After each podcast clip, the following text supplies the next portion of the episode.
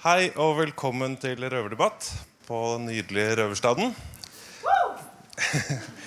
Veldig gøy at så mange skulle komme. Litt skummelt også, skal jeg innrømme. Eh, Jeg heter Simen. For de som ikke vet hva Røverradioen er, så er vi et eh, prisvinnende radioprogram av, med og for innsatte i norske fengsler. Vi sendes også på P2 på lørdager og arrangerer da disse røverdebattene. Forrige debatten vi hadde, den handla om eh, det fengselet AS Norge har leid i Nederland. Vi avsluttet den debatten med å undre oss over hvorfor det var ledige fengselsplasser i nettopp Nederland. Skal jeg ta en kjapp introduksjon av panelet? Eh, Det er da ytterst Adrian Idehen fra advokatfirmaet Sjødin Meling og Kompani.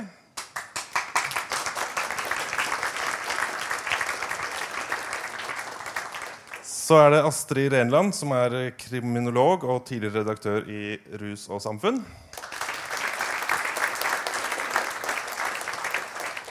Så er det Snute Nei da. Det er Jan Erik Bresil, som er fra Norsk Narkotikapolitiforening.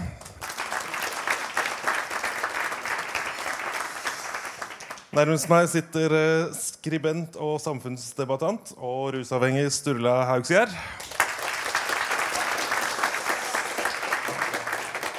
Og der, eh, sist, men definitivt ikke minst, eh, Michel Matheos, som er eh, tidligere rusavhengig, tidligere kriminell og tidligere fengselsinnsatt.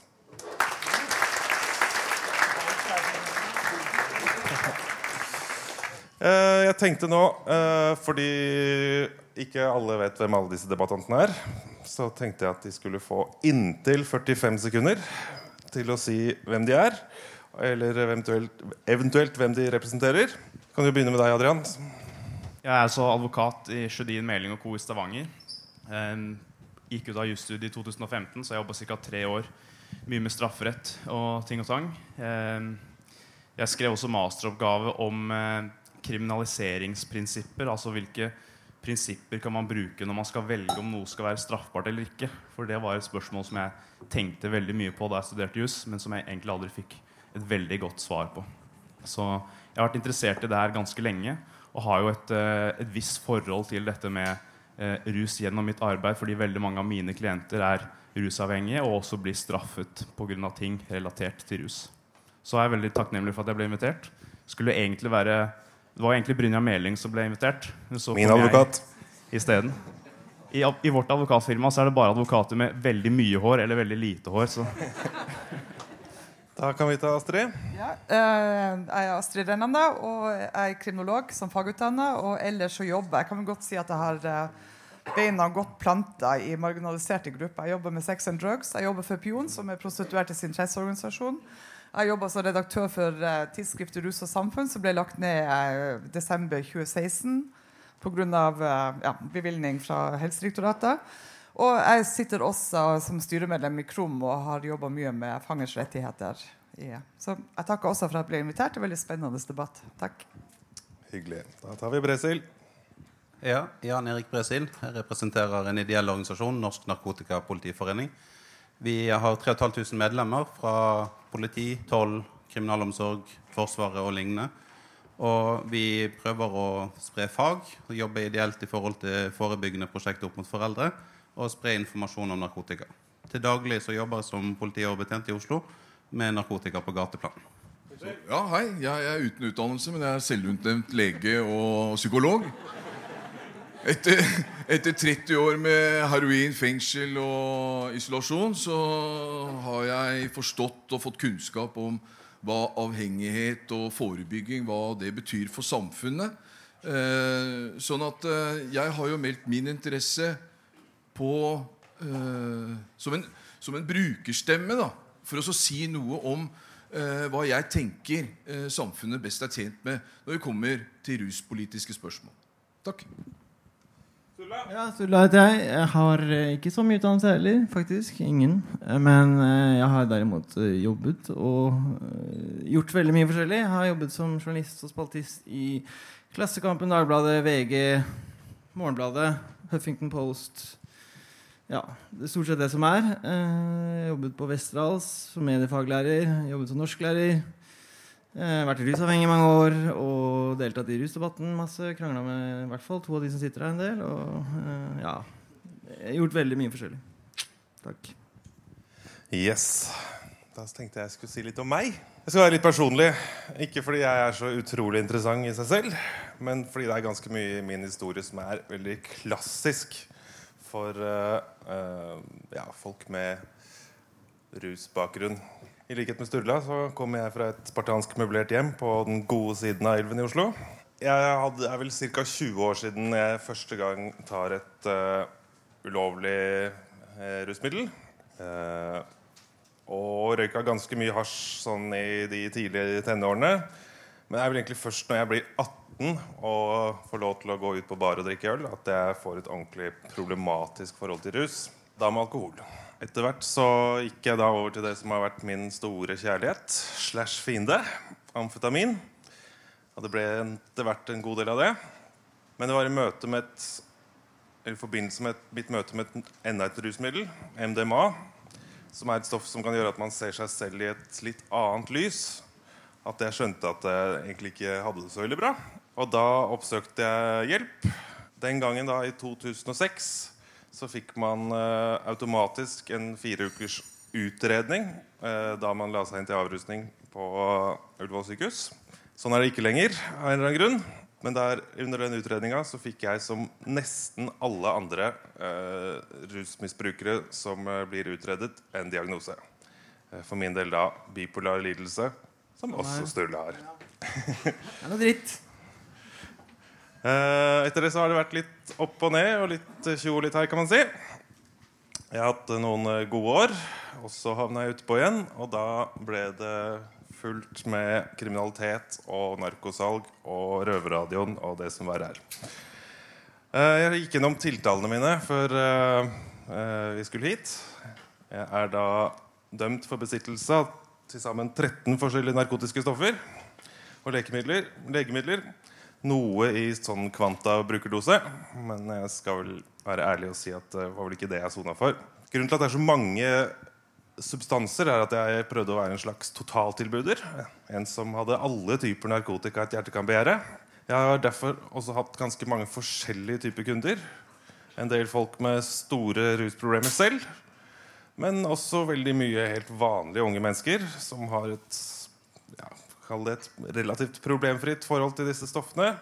Eh, det er hovedsakelig cannabis, MDMA og til dels kokain. Som da de bruker en sjelden gang og preger ikke livene deres.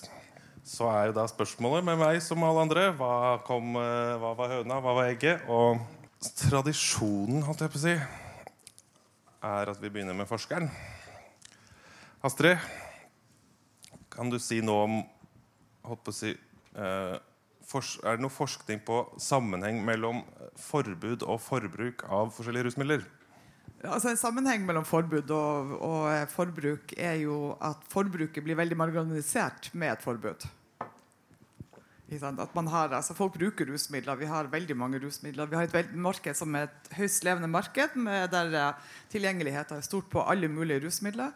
Men det vi ser at noen grupper blir eh, på en måte blir den som politiblikket rett seg mot, og som, eh, og som, eh, og som eh, blir fulgt av politiet, som blir tatt, og som blir bøtelagt, som blir altså på alle, ja, i det hele tatt. Og at, og at de gruppene de gruppen har det dårlig, mens de fleste andre veldig mange andre bruker dop. Og kanskje bruker det veldig mye i en, i en periode av livet når man er ung og ikke har så mye ansvar osv. Og så slutter man fordi at man får seg jobb, fordi at man får seg ferdig med utdannelse, man får barn. Og, og, jeg tenker at Langt de fleste slutter med dop uten å ha noe behov for behandling. eller noe annet, Men bare fordi at man endrer livssituasjonen sin.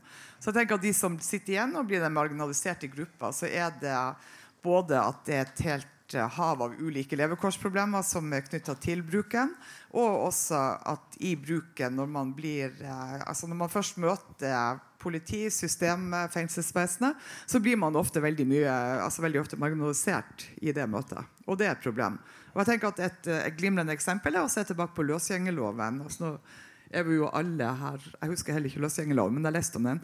Med, altså Hvordan drankere da ble behandla under løsgjengerloven, og hvordan det bybildet endra seg etter hvert etter at løsgjengerloven ble oppheva retta mot den gruppa. Og det betyr ikke at folk drikker mindre, folk drikker som bare det. Men at eh, drankere ikke blir så veldig marginalisert. Nei. Så det er mitt eh, Det tenker jeg er en sterk relasjon. Ja. Ja. Uh, apropos holdt på å si drankere. eh, jeg tenkte jeg skulle spørre deg, Jan Erik Bresil. Vi har jo noen eh, veldig eh, prominente Frp-politikere, Anundsen og Bård Hoksrud og sånn, som eh, eh, de nekter å si seg enig i at eh, alkohol ikke er det minst skadelige rusmiddelet. Hvordan stiller Norsk Narkotikapolitiforening seg til forskningen på liksom, hvor skadelige de forskjellige rusmidlene er? da? Er dere uenig i at alkohol er et av de farligere rusmidlene vi har? Alkohol er uten tvil det farligste rusmiddelet vi har i dag fordi at det har den utbredelsen det har. Det er det ingen tvil om. Det er det som gir størst samfunnsmessige kostnader og gir størst problemer i samfunnet i dag. Det vi er litt opptatt av, som kommer litt dårlig fram i de forskningene du da viser til, det er at jeg er veldig lite avhengig av å skulle si at det er farligere enn det. Fordi at jeg spør hva er farlig? Altså hva måler man? Hvis du måler leverskader, så vil jo alkohol komme kjempehøyt. Hvis du løser utløsning av psykiske lidelser, så vil kanskje cannabis komme høyt. Altså, det er veldig mye forskjellig som kan være farlig. Ikke alt dreper deg her og nå. Det kan hende at noe dreper deg om 20-30 år når du har fått ødelagt livet ditt sakte, men sikkert. Eh, og grunnen til at vi eh, snakker om dette, er jo spesielt den debatten rundt cannabis og alkohol. Og for oss så ser vi at cannabis for de yngste, og da snakker jeg de som er barn og ungdom, så er det kanskje noe av det farligste stoffet vi ser. Og grunnen er veldig enkel at det er det første stoffet vi ser at ungdommene tar med seg fra helgerekreasjonstull som man gjør med alkohol og andre ting første gangen, kanskje, når man er 11-12-13-14-15-16 år. Eh, og det, det, da ser vi at hva er du tar med deg inn i skolelivet og i storefri og sånt, det er veldig sjelden vodkaflasken på innerlommen i storefri. Da er det dessverre cannabisen vi ser, som man da ser at man får et daglig rusproblem med. Eh, og Derfor har vi mye av det fokuset. Men hva er farlig? Det er vårt store spørsmål tilbake igjen. Godt poeng. Sturle? Jeg vil bare skyte ned det? Hallo? Jo, der virker det. Jo, jeg bare skyter ned at eh, Jo, jeg er langt på vei enig i det du sier, eh, Jan Erik. Men uh, når jeg var første gang innlagt på A-senter Kirkens Bymisjon, så var det jo en lege som kom og hadde undervisning med oss om rus og skadevirkninger. Jeg tror ikke han hadde noen politisk slagside, for å være helt ærlig. Uh, han var lege i Kirkens Bymisjon, liksom. Og han påminnet, noe, påminnet oss om det at alkohol også er ekstremt farlig når det kommer til psykiske problemer. Da. Må ikke glemme det. Det er ikke noe sånn at alkohol bare skader leveren, det skader hjernen òg. var det jeg ville si. Ja. Oi, noen struper strupemikrofonen din. Eh, spørre deg, Adrian. Som eh, altså man kan, eh, Er det et frihetsprinsipp at er det én ting man burde eie, eie i verden, så er det ens egen kropp? Eller altså, har, man, bør man ha full råderett over egen kropp og hva man putter i den? Eller er det ikke sånn i andre deler av jussen? Så hvis du snakker om eh, et strafferettsperspektiv, da, det er kanskje det som er mest relevant her nå Utgangspunktet er jo at eh, enhver stat kan kriminalisere og straffe akkurat det de vil. egentlig. Det er utgangspunktet. Det følger av statens suverenitet. Men så er det jo noe som heter menneskerettigheter, da, som eh, innskrenker den muligheten staten har, eller kompetansen staten har til å kriminalisere forskjellige typer atferd. Så det blir jo en, en diskusjon om hva som er lov, rett og slett. Er det lov etter menneskerettighetene å straffe folk for bruk og besittelse av narkotika, f.eks.? Det er én diskusjon. Men du sa vel 'bør'. Bør man ha råderett over egen kropp? Ja. Og mitt klare svar på det er ja. Helt klart. Hvis man skal bruke et så sterkt middel som straff er, så må det være godt begrunnet. Og det er mange som har tenkt på det opp gjennom tiden. Hva kan være grunner til at man skal bruke straff mot en viss atferd? Og da er det disse prinsippene da, som annet jeg skrev masteroppgave, som sier noe om det. Så Et av prinsippene kalles gjerne skadefølgeprinsippet. Det sier at for at skal for at det skal være legitimt, ikke legalt, men legitimt å bruke straff mot en gitt atferd, så må den atferden man snakker om, den må skade andres interesser, eller det må føre til fare for skade på andres interesser.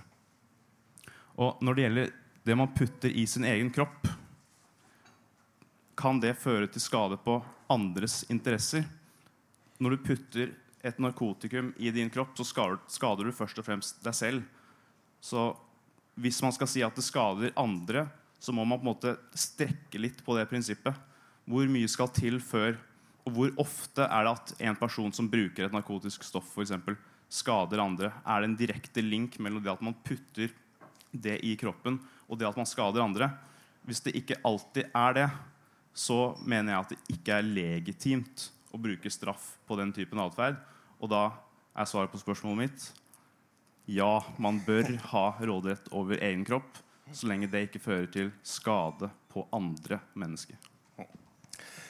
Michelle, jeg vet jo at du ikke er sånn kjempebegeistra for legalisering. Jeg skal lese en, eh, et sitat av, fra eh, Bård Standal, som er styreleder i Røverradioen. Tenkte Hvis jeg siterer han, så kanskje han blir Tenkte at hvis ikke jeg, styreleder, egentlig. jeg vet ikke. Hvis han tenkte at hvis jeg siterer han, så kanskje begynner han å betale lønn til meg. Det hadde vært hyggelig. Eh, han sa under en uh, Civita-frokost med noenlunde samme tematikk uh, Straff for bruk av det, eh, narkotika er alltid galt. Hvis man er en risikosøkende ungdom eller i risikosonen på annet vis, er det en dytt ned i skråplanet. Er man avhengig og har, har en dårlig livssituasjon, holder straff deg nede. Er du en problemfri rekreasjonell bruker, har du ikke behov for noen avskrekning som helst. Hva tenker du om den påstanden, Michelle? Jeg, jeg, tenker at han uh, har mye rett i det. Han har mye rett i det. Uh, men når det kommer til dette her med rekreasjonelt uh, bruk, da, så syns jeg det mer ligner på å koke suppe på noe cannabisfrø og kalle det en femretters. Fordi at konsekvensene er så mye mye mer det enn å bare gå utafor her og røyke seg en tjall før du går inn. For noen. For noen. Og de noen er da hvor hjertet i jobben min ligger. Barn og ungdom som ryker så det dundrer på hasj. På cannabis. Astrid? Jeg tenker at det er et veldig eh, viktig spørsmål. For jeg tenker eh, altså Når man snakker om, eh, om kontroll, så tenker jeg at altså det man gjør når man, altså med strafferettslig kontroll, er at man fratar mulighetene. Altså Man fratar individet sånn egenkontroll over hva man bruker, og det også hindrer en fornuftig debatt om, eh, om eh, bruken av stoffer, hvordan man skal bruke det. og er det veldig smart å røyke braia før man går på skolen? Er det, det må være forferdelig kjedelig for læreren å sitte med stein og ungdom som sitter der i og, og det samme med, med altså Man hindrer en, en fornuftig debatt om, om altså hvordan, hvordan bruke det her på en fornuftig måte hvis man først skal ruse seg. ikke sant? Og all rus som man bruker, hvis man ruser seg hver dag, hele dagen og alt mulig, vil skape problemer uansett hva det er for noe. ikke sant? Og jeg tenker at, at den der egenkontrollen versus uh, altså Sekundærkontrollen fratar personer egenkontroll. Og det er også et problem i reguleringa med straff. Da var det Adrian, og så Bresil. Ja, eh, mitt spørsmål er bare tilbake til Michelle. Er, er det nødvendig å straffe for å få barna til å slutte å bruke narkotika? Må, må de ha en straffetrussel hengende over seg for at de ikke skal bruke narkotika? Det lurer jeg på. Eh, ja, jeg tenker det. Jeg, jeg, jeg, jeg gjør det. Jeg gjør det. Jeg gjør det. Eh, nå, må vi, nå må vi ha virkelig godt fokus framover.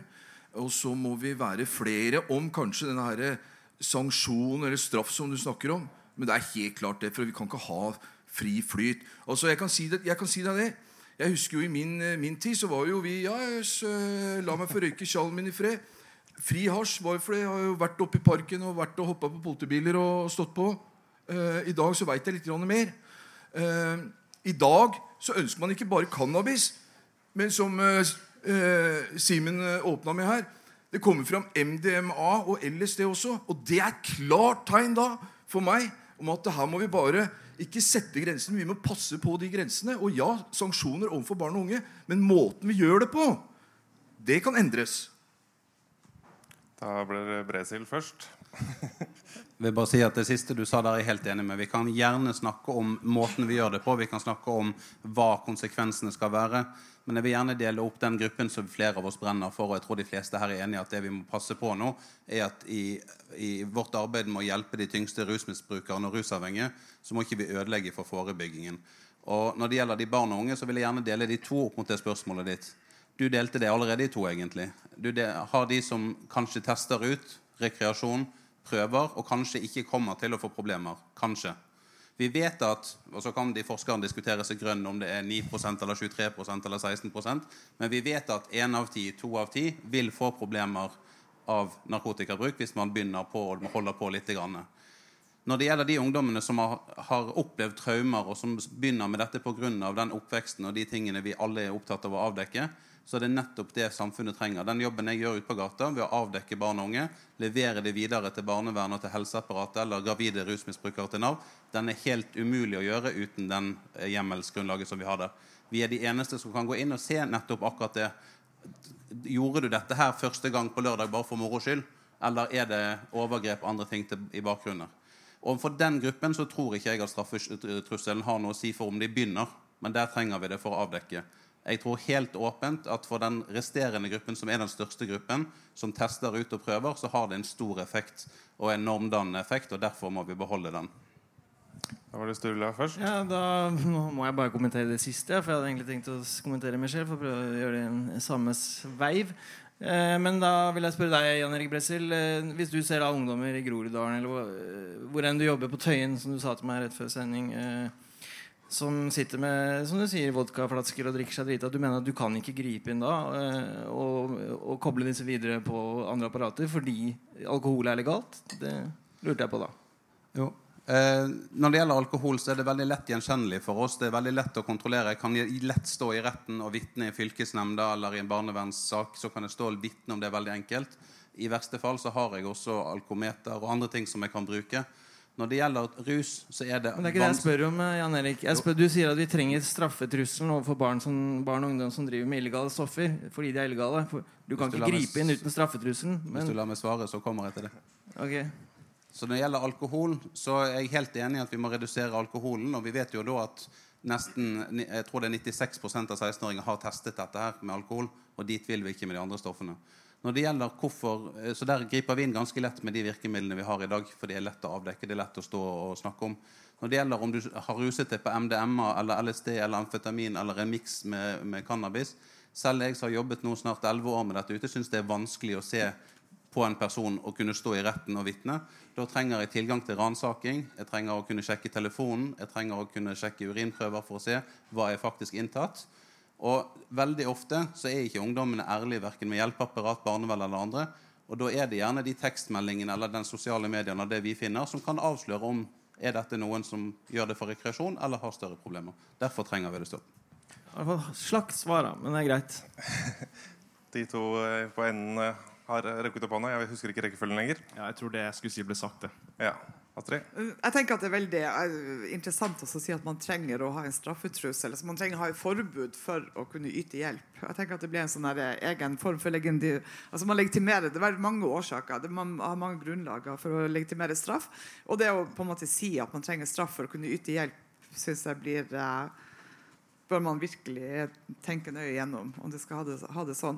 Og så tenker jeg også sånn, Er det politiets arbeid og, og, og ja, mm, jeg er litt sånn kritisk til den der blurete mellom politiet. eller at man liksom, Politiet blir sosialarbeidere og, og bruker da strafferetts, eller bruker liksom straffeloven for å på en måte gripe inn i ulike felt. Jeg er sikker på at Politiet gjør en veldig god jobb blant ungdommer, og man trenger også det. Men det er på en måte hvor, altså hvem er det som skal gå inn på de ulike feltene?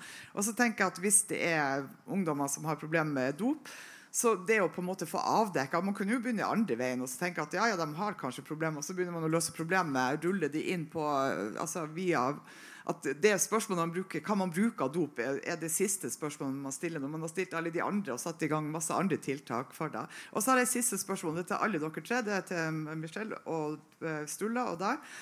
Eh, straffetrusselen ut, altså, Dere begynte å bruke dop selv om straffetrusselen var der. Ja, det var det jeg ville svare på. Hvor funksjonell var straffetrusselen overfor dere? Ja. er det liv i den? Jeg bare føler ikke at den virker ordentlig. Okay. Nei, det var jo det jeg ville svare Michelle allerede. Fri flyt det er jo det vi har nå. Ikke sant? Så det, det argumentet som du og dine meningsfeller kommer med hele tiden, at vi kan ikke åpne opp og få fri flyt, det kjøper jeg ikke. fordi fri flyt det er jo det vi har nå. Jeg er jo aktiv bruker og er ute på plata og på gata og ser jo, er jo fullstendig fri flyt. Og det vi ønsker med F.eks. Ja, men. Da bidrar du til det sorte markedet også.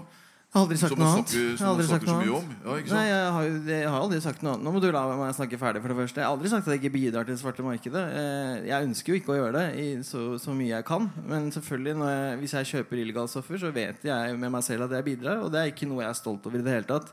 Og det er jo noe av grunnen til at jeg ønsker at vi skal jobbe for eh, en løsning hvor vi regulerer på den måten at vi tar makten ut av den svarte økonomiens hender.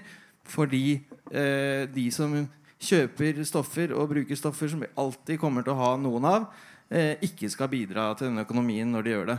Selvfølgelig, Du kan jo godt kalle meg en hykler som gjør det, men jeg synes det blir absurd å si at jeg ikke kan mene noe offentlig samtidig som jeg gjør noe annet i praksis. Det blir liksom eh, det, jeg, kan ikke, jeg, kan ikke, jeg kan ikke ønske at vi får en annen politikk fordi jeg selv eh, har gitt 100 kroner til mafiaen. Liksom. Det, Ja, jeg snakker, jeg snakker ut ifra et forebyggingsperspektiv, Stulla.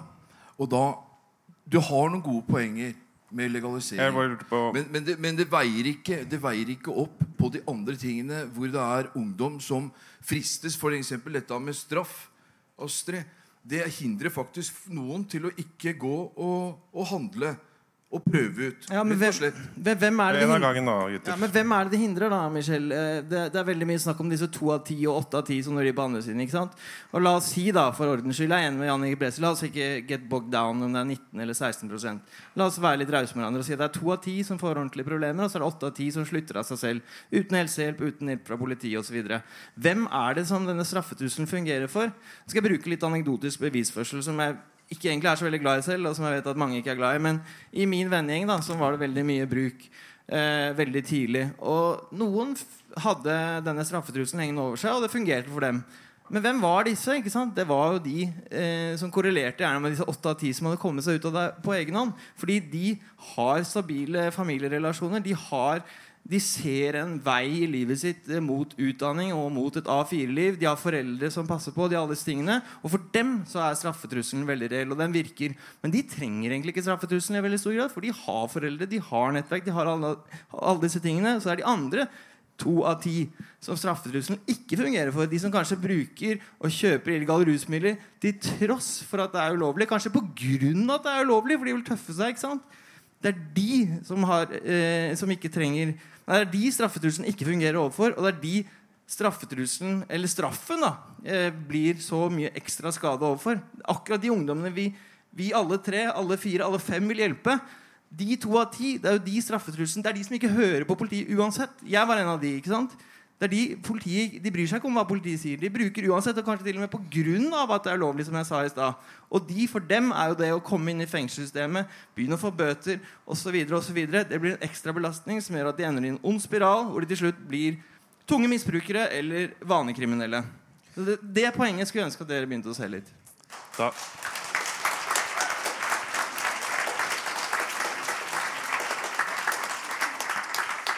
Det er uh, hyggelig å lede en debatt hvor alle sitter og stikker opp fingra hele tida, så jeg må prøve å holde oversikt. Nå var det Astrid først.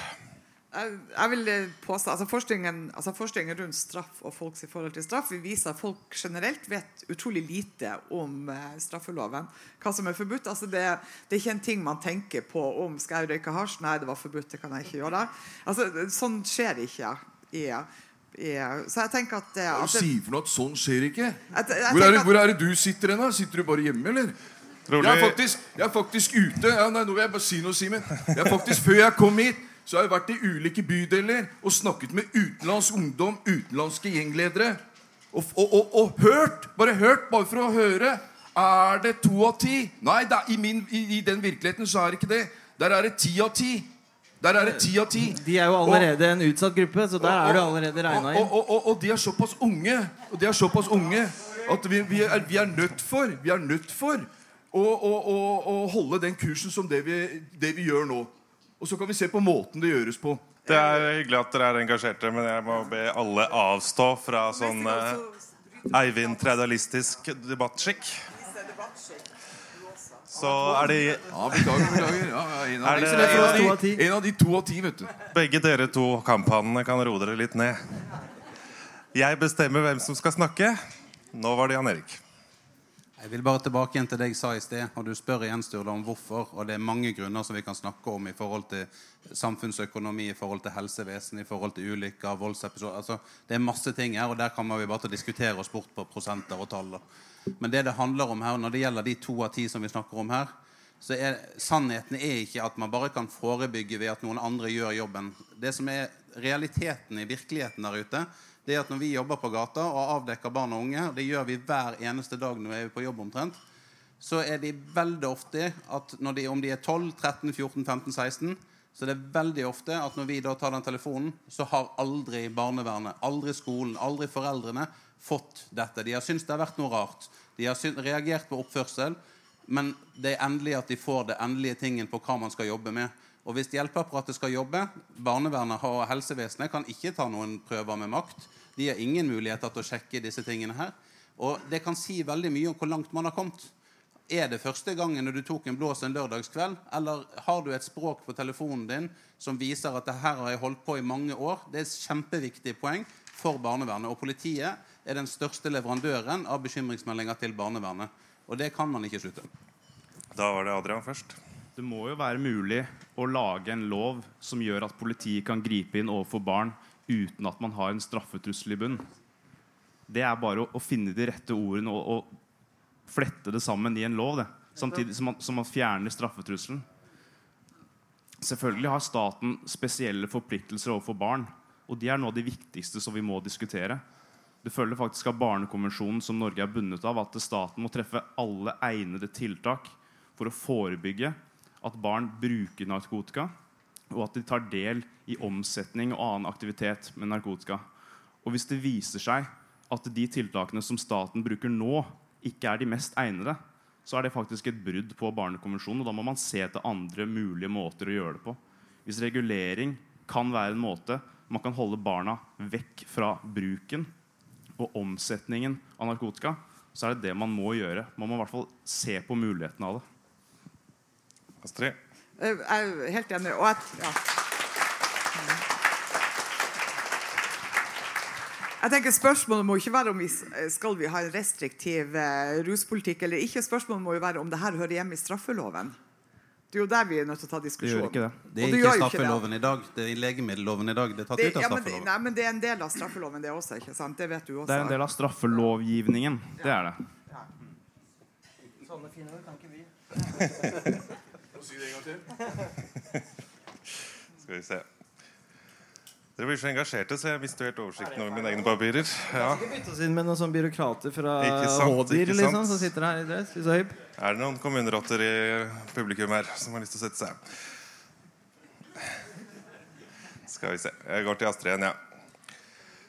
Hvis vi øh, tenker, holdt på å si eh, hvis vi tenker ikke bare de aller yngste barna, da. Eh, er, er det noen grunn til å tro at hvis man legaliserte eller avkriminaliserte, at uh, den uh, bruken av de legaliserte rusmidlene kommer oppå alkoholen, eller kommer det istedenfor? Altså undersøkelser, altså Nederland og Portugal, de undersøkelsene som kommer fra de landene som har, viser jo at selv om man har en liberal eh, og avkriminalisert eh, F.eks. når det gjelder cannabis, så er det ikke sånn at da bare dytter folk inn på vilt. altså Folk har et ganske balansert forhold til bruk, og det er ikke noe økning. I Nederland viste det ikke noe økning, at det er en økning av, av forbruk. Man kan tenke seg at i en periode vil det være det. At man får en sånn, Hvis det plutselig blir eh, blir altså Hvis du plutselig får kjøpt det på butikk, hvis det blir legalisert og du kan kjøpe det over disk, ikke sant? At, kan man tenke seg at i en periode vil det være, vil det være økt forbruk. Men så ser man både i Portugal og, og, og, og Nederland at nyrekrutteringa av, av f.eks. unge som bruker cannabis, for å holde oss til unge, da, men også har, har, øker ikke. Og jeg tenker jo at En av grunnene er at det blir mindre interessant. Altså det var, når jeg var ung for 100 år siden, så var det kjempetøft å røyke hasj. ikke sant? Fordi at det var opposisjon mot det bestående samfunnet. det opposisjon mot alt. Vi, vi trengte ikke, vi gjorde ingenting politisk, men vi røykte hasj, og da var vi politisk eh, opposisjonelle. ikke sant? Og det syns vi var vi kjempefornøyd med. Mens jeg tenker hvis jeg skulle, eller noen unge skal stå liksom eh, på en eller annen plass og kjøpe med bestemora si en eh, joint, ikke sant? så blir det kanskje ikke så interessant å bruke det. Men jeg tenker at de spørsmålene der er altså, For det handler også om jeg tenker alkoholbruk. altså Undersøkelser av altså Sirus sin alkoholforskning viser at vi har et mye høyere vi har en mye høyere forbruk av alkohol i dag. Det konsumeres mye mer alkohol i dag enn det gjorde for noen tiår siden. Men folk drikker eh, altså Det er mindre farlig drikking i dag, så skadene var høyere for noen tiår siden blant folk av alkohol enn det er. Og jeg tenker at Det er jo det som, må, som er viktig å se på. Er jo Hvordan man kan få ned skadene. hvordan man har at folk får eh, At det ikke er altså, skittent, eh, farlig dop å selges på gata. Du, er jo alle de, Vi må tenke skadereduksjon på salg. Michelle, jeg lurer på om du kan kommentere det som, uh, som Sturla sa i. Uh, det går litt på det samme. Tror du ikke det er en del av de vanskeligstilte ungdommene du møter ute i bydelene, som bruker narkotika nettopp fordi det er ulovlig? Jo, det tror jeg du har rett i. Det tror jeg du har rett i. Det var det korte svaret. Skal vi se. Jævlig kjedelig Altså, jeg er ikke en sånn der kjip jævel som bare ønsker at nei, her skal det ikke være noe legalisering for alt. Pris hadde det ikke vært noen konsekvenser. Altså, Det er faktisk uh, unge og voksne og folk som har psykiske problemer der, som ikke har kunnskap om avhengighet, Adrian og, og, og resten av dere, som gjør til at det derre som skjer med kroppen da, det får sånne konsekvenser for så mange år fremover. Og den må vi ta for laget, tenker jeg. Ved å straffe dem. Vi må i hvert fall gjøre ting annerledes enn det vi gjør nå. Det er jeg enig i. Ja, det er vi enig i. Men all. Her styrer jeg ordet. Nå er det Bresil. I forhold til Hvis vi har flyttet Du flyttet oss over Du flyttet oss over til rekreasjonsmisbrukerne. Eh, Og så hoppet du litt tilbake igjen. Men jeg vil tilbake til rekreasjonsmisbruk. For hvis vi deler dette i tre Du har ungdommene, du har rekreasjonsmisbrukere, og du er avhengige. Så jeg, jeg tror egentlig vi kan bare legge den debatten død. At alle her ønsker at avhengige skal få hjelp. Det er det ingen tvil om. Det ønsker alle at det er helsevesenet som må hjelpe dem. Men hvis du røyker cannabis eller bruker ecstasy for moro skyld, så tenker man kanskje at ok, men jeg skader ingen, det går bra, osv. Men man er med på å påvirke holdningen i samfunnet. Man er med til å påvirke aksepten for når ungdommene kan begynne å bruke dette her. Man eh, vil også få skader på noen av de, og så kan vi diskutere oss grønn hvor de prosentene går, men noen vil kunne få skader av det. Og det er utrolig viktig at hvis vi ser rundt her nå på bordene, hva er det som står rundt om her? Jeg vet at vi er på røverstaden, altså, men så mange av dere har ikke samtidig ecstasy eller noe sånt på innerlomma. Og det at, alkohol, det at alkohol er blitt så vanlig eh, at over ni av ti ungdommer har begynt når de er 16 år, dit vil ikke vi i hvert fall, som ser skadene av dette hver dag, at de andre stoffene skal komme. Det er vårt mål. Det er jo ingen av de landene hvor vi har avkriminalisert eller regulert, hvor vi har endt opp der. Vi kan gi ett eksempel på et land hvor folk sitter sånn som dette her i Paraguay eller Uruguay eller hvor det er, med cannabis på hvert eneste bord. Gi ett eksempel, da. Gi ett eksempel på et land som er i nærheten av det lave forbruket Norge har, som har gjort dette her. Det er- Konsekvens, Vent du må få svare, Sturla. Konsekvensene og mulighetene for hvor mange som kan få problemer i et land som Norge, som er på bunnen i minst forbruk, minst problemer rundt narkotika, er enorme i forhold til f.eks. Colorado eller alle disse stedene, eller Portugal eller andre, som har hatt enorme problemer. Når Portugal begynte sin vei, så hadde de fem ganger så mange sprøytemisbrukere som Norge. Når man tar til hensyn til befolkningen. Poenget er at man har sammenlignet oss med land hvor hvor mange av de som kan starte og fortsette å begynne med narkotika i forhold til Norge, der er det store store faremomenter fordi at vi ligger et helt annet utgangspunkt. Ok, Astrid, du hadde en kommentar? Jeg tenker det ene er jo altså folk, ja, altså Om man bruker, om man bruker dop, så, er- så er det jo altså det er jo helt andre ting enn en ytre regulering. Altså det, skal man på jobb, så er det dumt å bruke MDMA. Det altså, altså det, det er alle de tingene. Skal man eh, på, Har man barn altså, Jeg tenker at det er liksom, det livet for øvrig som regulerer bruken av, eh, av, eh, av, eh, av rusmidler. i også det andre glemte jeg, så nå får jeg komme tilbake til det. Sturla, hva tenker du? Hadde det ikke vært bedre om eh, ingen rusa seg i det hele tatt? Og da skal man ta med det tankekorset at flertallet av verdens befolkning de ruser seg aldri. Ja, altså Flertallet av verdens befolkning Hvis ruser man tar aldri koffein ut av eh, ja. i hvert fall. Jeg tror, det er mye store mørketall der, men eh, det, det er jo en annen debatt. Men eh, jeg syns ikke det er så interessant spørsmål om det hadde vært bedre om ingen rusa seg. Det er helt utopisk uansett. Vi må prøve å gjøre det beste ut av det, det vi har i verden. Da. Og et av mine, mine kjepphester er jo det eh, Hvis vi ser bort fra mørketallene, så er det 25 millioner eh, registrerte tunge misbrukere i verden som sådanne. Det er 10 000 ganger så mange som bygde pyramidene, liksom. Og hvorfor ikke sette alle disse aktive, tunge brukerne og ut i livet, få dem til å bidra i samfunnet istedenfor at de skal sitte og råtne i fengsel eller bruke hele dagen sin på å jage rundt i byen for å få penger til stoff som er 10 000 ganger dyrere enn det kunne vært hvis det var regulert, eksempel. Eller jage rundt etter neste dose via sexsalg, eh, kriminalitet, ran, alt mulig sånne ting. Hvorfor kan vi ikke heller få disse menneskene med i samfunnet, selv om de ikke nødvendigvis klarer å bli rusfri, og få dem til å bidra på en mer positiv måte. Det er snakk, om 25 millioner mennesker. Liksom. De, kunne jo, ja, de kunne jo bygge 10 000 pyramider, f.eks. Det er ikke så veldig konstruktivt, da, men de kunne sikkert gjort mye annet òg.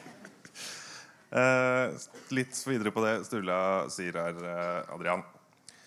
Eh, nå skal ikke jeg si noe om eh, markedet rundt i Norge, men jeg har litt innsikt i markedet i Oslo. Det er eh, titusenvis av mennesker som røyker hasj ganske jevnlig. Det er tusenvis som tar kokain og MDMA. Er det problematisk at noe som så mange gjør, er ulovlig? Altså, det er veldig mange som stjeler og slåss også. Det er ikke problematisk at det er ulovlig. Det problematiske med forbudet mot bruk og besittelse av narkotika er at det, det skader først og fremst ingen andre enn den som gjør det selv. Det er det som er det problematiske. Det er det som gjør det illegitimt å bruke straff mot det. Så at mange bruker det Da vil jeg heller si at alle de burde gå sammen og stemme på samme parti, så kan de kanskje få gjort noe med det og endra på loven. Heller. Få masse stonere til å stemme på samme parti. Lykke til. Jeg jeg hadde ikke trodd jeg skulle, skulle si meg uenig med Adrian i så mye her, men jeg mener jo det her er det kanskje altså, din jusbakgrunn og mangel på politisk eh, forståelse som gjør at du bommer litt her. Men jeg mener jo det er helt klart at med så mange cannabisbrukere så er det faktisk et demokratisk problem i seg selv å kriminalisere så store andeler av befolkningen. Eh, Jeg er helt enig i det du sier, at det først og fremst er problematisk fordi du ikke skader noen andre deg selv. Men det er også et problem at vi kriminaliserer eh, en så stor minoritet i befolkningen bare eh, i seg selv ved å gjøre cannabis ulovlig. Når det er titusenvis av mennesker som gjør det. Vi kan ikke ha et samfunn hvor titusenvis av mennesker er kriminelle. liksom. Det går ikke. Da var det Astrid først. Ja, jeg tenker jo, altså Hvis man ser det internasjonalt eh, på det, ikke sant, så tenker jeg det brukes enorme, enorme, enorme ressurser eh, internasjonalt for å eh, bekjempe narkotikabruk. Og det som er det, som er det største beslagene, ikke sant, som man har mest oversikt over, og som politiet har flest beslag på, som er flest personer som er tatt, det er cannabisbrukere.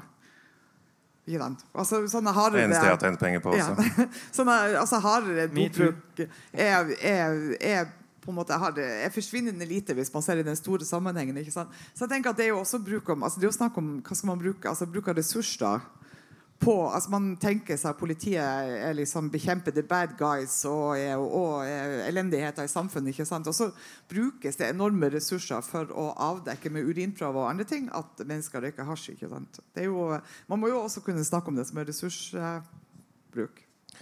Da var det Bresil, og så Adrian. Jeg vil bare stille litt spørsmål med det slutningen at det bare skader seg sjøl. Det er for enkelt å si det. Man kan ikke bare stoppe der. Det sitter pårørende i salen her. Det sitter andre mennesker som opplever det. Det sitter ulykkesoffer, det sitter voldsoffer. Det er personer her som betaler skatt i forhold til helsevesenet, utløste psykiske lidelser, i forhold til helseproblemer. Det blir for enkelt å si at det kun skader seg sjøl. Så kan man diskutere hvor langt man skal dra disse slutningene. Det er helt legitimt å debattere. Men at rusbruk det angår nesten alle rundt deg. Familien din, vennene dine. Og det tror jeg også du kan bekrefte. Adrian. Ja, jeg vil bare følge opp det med ressursbruk. Jeg opplever jo litt det Jeg vet jo ikke akkurat hvor mye tid og penger politiet bruker på de forskjellige typer sakene, men jeg opplever at eh, politiet bruker tid og penger på å straffe folk som har f.eks. 0,2 gram cannabis hjemme. Og så har jeg masse sedelighetssaker som jeg forsvarer, som bare ligger og ligger og ligger. og ligger. Det går vinter og vår, og det går år før sånne typer saker oppklares. Så jeg kan ikke sette to streker under svaret der, men det virker som at det er en eller annen misbalanse der. altså.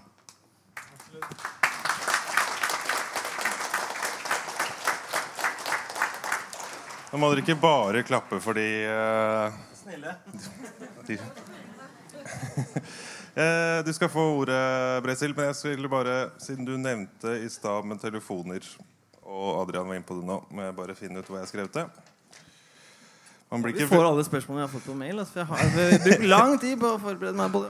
Ja, Det er dumt å be om forberedelsestid. vet du så. Jeg fikk ingen spørsmål på mail. Var det med vilje, eller? Det er de som syter mest, som får ting, vet du. Men uh, skal vi se. Sorry, Sturla. Ble du lei deg nå? Faen, har jeg skrevet det, ja? Helvete. Nei. Da får du få ordet, bare. Det er sånn stukebord der. Ja, Amfetaminstuk. Man blir prega, vet du. Jeg kan spørsmålene mine utenfor. Jeg kan stille dem selv. Det var Jan Erik først. Bare veldig kort i forhold til ressursbruk. Eh, jeg fortalte det i sted, så jeg tar ikke hele den ligningen igjen. Men politiets hovedfokus er på forebygging. Cannabis er det vi sliter mest med blant barn og unge. Det er det som, gjør, som er det rusmiddelet flest barn og unge begynner med i hverdagen. Derfor har det en stor fokus i det forebyggende. Hovedgrunnen til at vi ender opp med mange sånne småsaker, det er ikke fordi at man prioriterer det, men det er nettopp fordi at dette ikke bare går utover seg sjøl. Vi kommer over trafikkulykker, vi kommer over husbråk, vi kommer over ting hvor dette er da en atferd som er utløst gjerne av rusen, kombinasjonsrus, kanskje med alkohol og andre ting. Og når det da finnes eh, narkotika der, så er vi nødt til å håndtere det. Eh, men cannabisen, i forhold til det, så er det det forebyggende perspektivet som råder. Og når det gjelder bad guys og sedelighet og den biten der, så er det jo sånn at vi er nødt til å forebygge at flere kommer dit. Og en av de måtene vi gjør det på, er ved å avdekke og finne ut de ungdommene som trenger hjelp, og løfte dem fram og inn i hjelpeapparatet. Og da vil det forhåpentligvis bli færre sånne saker. Det er ikke sånn at man bare kan trylle, og så forsvinner de sakene. Nå fant jeg det jeg skulle lese her, eh, Jan Erik. Det var nå for noen måneder tilbake en 15 år gammel jente som anmeldte et voldtektsforsøk. Du kjenner sikkert den saken. Og endte opp med å få 4000 kroner i bot fordi politiet så bilder av at hun røkte hasj på telefonen sin. Du snakka jo om å sjekke telefoner og sånn, at det er viktig. Eh, Hva tenker du om den saken? Nå, nå er det en ting som er viktig. Nå uttaler jeg meg som en privat forening, ikke som min, eh, for, på vegne av Oslo politidistrikt. Nei, dette var i Sør-Øst politidistrikt, så det har ikke noe med deg å gjøre. Nei, men uansett så syns jeg den var uheldig håndtert. Sturla, du som kan dine spørsmål. Da begynner vi på topp. Får folk problemer fordi de ruser seg, eller ruser de seg fordi de har problemer? Ja, Det er et veldig godt spørsmål. Det- Det er jo liksom essensen av debatten her. tenker jeg. Her må vi ha to, to tanker i hodet samtidig. For det, det, det er høna eller egget, som du sier. Det er jo en løpende debatt. De lærde strides fortsatt om det der. Eh, det ene du spør om, er jo om folk ruser seg fordi de har problemer. Og det er helt åpenbart ja. Eh, hvis vi ser på de barndomstraumene som man regner som ja, traumer, da, f.eks. seksuelle overgrep, vold i hjemmet og rus for så vidt også hjemme, så ser vi at de som har opplevd det i barndommen, de har fem, 50% sjanse, cirka større sjanse for å ende opp som tunge rusmisbrukere. For de som ikke skjønner enkel matte, så er det det samme som å si at hvis du går på Brugata da, og ser folk som står på busstoppet ved Kiwi på den ene siden, 100 stykker, og 100 stykker på den andre siden, så har de som står på Brugata-siden, eller den nye plata, de har eh, statistisk sett 50 ganger så stor sjanse for å ha opplevd eh, overgrep, eh, traumer i barndommen. Så det er helt klart at ja, veldig mange starter med rus fordi de har problemer. Eller har problemer i barndommen. Eh, men folk får også masse problemer av å ruse seg. Eh, og noe av det handler om eh, bivirkningen av rusmidlene selv, spesielt alkohol, som eh, går jo på alle indre organer, hjernen osv. Også fordi alkohol fører til eh, oppførsel som går utover deg selv og andre. Ikke sant? I stor grad så kan man gå nedover på de andre rusmidlene. Alle har noen bivirkninger. Alkohol er verst. Og så har du sikkert eh, kokain og amfetamin og heroin under der. Og så går det nedover og nedover til cannabis, som har noen psykoser eh, og en del sånne ting. Men de aller fleste, hvis du ser bort fra alkohol, da, som har virkelig virkelig skadelige virkninger i stoffet i seg selv, og kanskje også en del legemidler, piller, som fører til at du mister kontrollen, så er de aller største konsekvensene av å ruse seg handler jo om at det er illegalt. Det handler jo De konsekvensene man får av forbudsregimet i seg selv. Det handler om de konsekvensene man får fordi man får bøter som hoper seg opp, som ender med at man enten må sitte i fengsel eller betale masse bøter man ikke kan. Og så ikke minst det at man må opprettholde forbruket når det er illegalt. Når det både ender opp med å bli veldig dyrt, og det ender opp med å havne i et miljø som er veldig voldelig og veldig eh, destruktivt. Eh, hvor man blir satt i gjeld, ytterligere gjeld, både av politiet, med bøter igjen, ikke sant? og av de andre kriminelle. Man må kanskje selge kroppen sin, man må gjøre innbrudd. Og alle disse tingene her, Det blir liksom som en sånn eh, eh, serendipity-effekt, eller sånn butterfly-effekt. ikke sant? For alle, Hver eneste gang du får en bot, så fører det til at du synker enda litt lenger ned i kvikksanden. Du får, du får enda litt mer ringvirkninger. Du må kanskje gjøre det ekstra innbruddet, som fører til at du får ekstra mye skam, ekstra mye psykiske problemer, og du dyttes bare lenger og lenger og lenger ned i gjørma. Hver gang du har La oss ta en heroinavhengig da, som meg, eh, og kanskje en som er enda mer avhengig òg. enda tyngre. De må ha skuddet sitt hver morgen eller hver kveld eller tre ganger i dagen. alt ettersom. Og Hvis de går på plata da og har fått skrapt sammen 200 kroner eller 500 kroner til en kvarting eller en halvgram, og de blir tatt av politiet og fratatt den, så er det ikke sånn at de da bare Nei, da, da slutter jeg å være heroinist da, til i morgen i hvert fall. De får en ny 500-lapp. Liksom, nei, de gjør ikke det. De må ha det skuddet fordi de er avhengig. Fordi de kanskje har blitt utsatt for overgrep. Hvem vet. Og da må de skaffe 500-lapp til på en eller annen måte. Eller en 200-lapp. Ofte 500-lapp, da, for helt ærlig. Og hva gjør de da? Da har de Den første 500-lappen fikk de kanskje på en legal måte via Nav eller en eller annen jobb eller lik Oslo eller lik kaffe. eller et eller annet. Den andre er garantert at de må bruke andre metoder for å få tak i. Da er det sykkelen til naboen som forsvinner. Eller bestemors veske. Og så blir de tatt en gang til. da, i hvert fall. Det er ikke, det er ikke utenkelig, det. Eller kanskje neste gang de kjøper, så blir de rana av dealeren sin. Eller de, fyren bare Mange stikker. potensielle Veldig scenarioer mange ting som kan skje når det er illegalt og uregulert marked.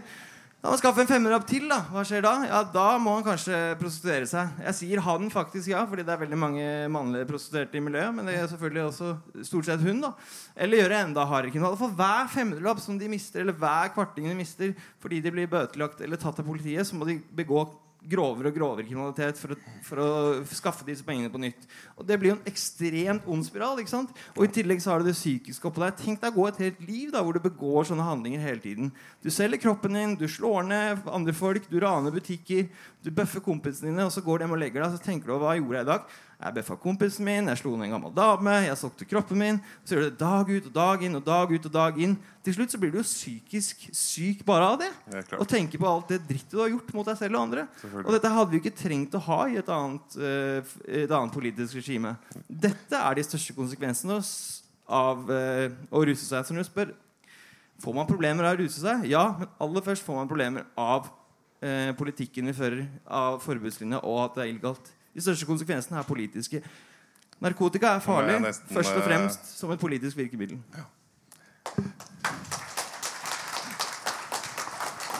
Da er det disse eh, Michelle, og så eh, Bresil, og så Astrid. Ja, nå har det vært eh, oppe politisk, og flertallet i Norge sier jo nei. De ønsker jo ikke dette. De ønsker jo ikke denne gode løsningen, denne gode ideen som du har. Og jeg tenker det at det er jo mye, mye bedre at vi satser på kunnskap og behandlingssteder. Altså, det, må, det er jo der det ligger. Altså, Du får ikke løst eh, en som har vært avhengig av rus fordi at det blir legalisert. Men vi kan tilrettelegge bedre behandling, sånn at eh, de som sliter i dag, kan komme tilbake til samfunnet som en ressurs. Som det jeg har fått til. Er ikke jeg en ressurs? Jo, jo, jo. Er jeg rusfri? Ja, men du, du, du er aktiv. Du er, du er, det kan jeg si til deg, Sturle. Jeg, jeg kan si det sånn. Jeg stoler ikke på Men du folk i aktiv som rus. Nei, Du stoler ikke på meg, da?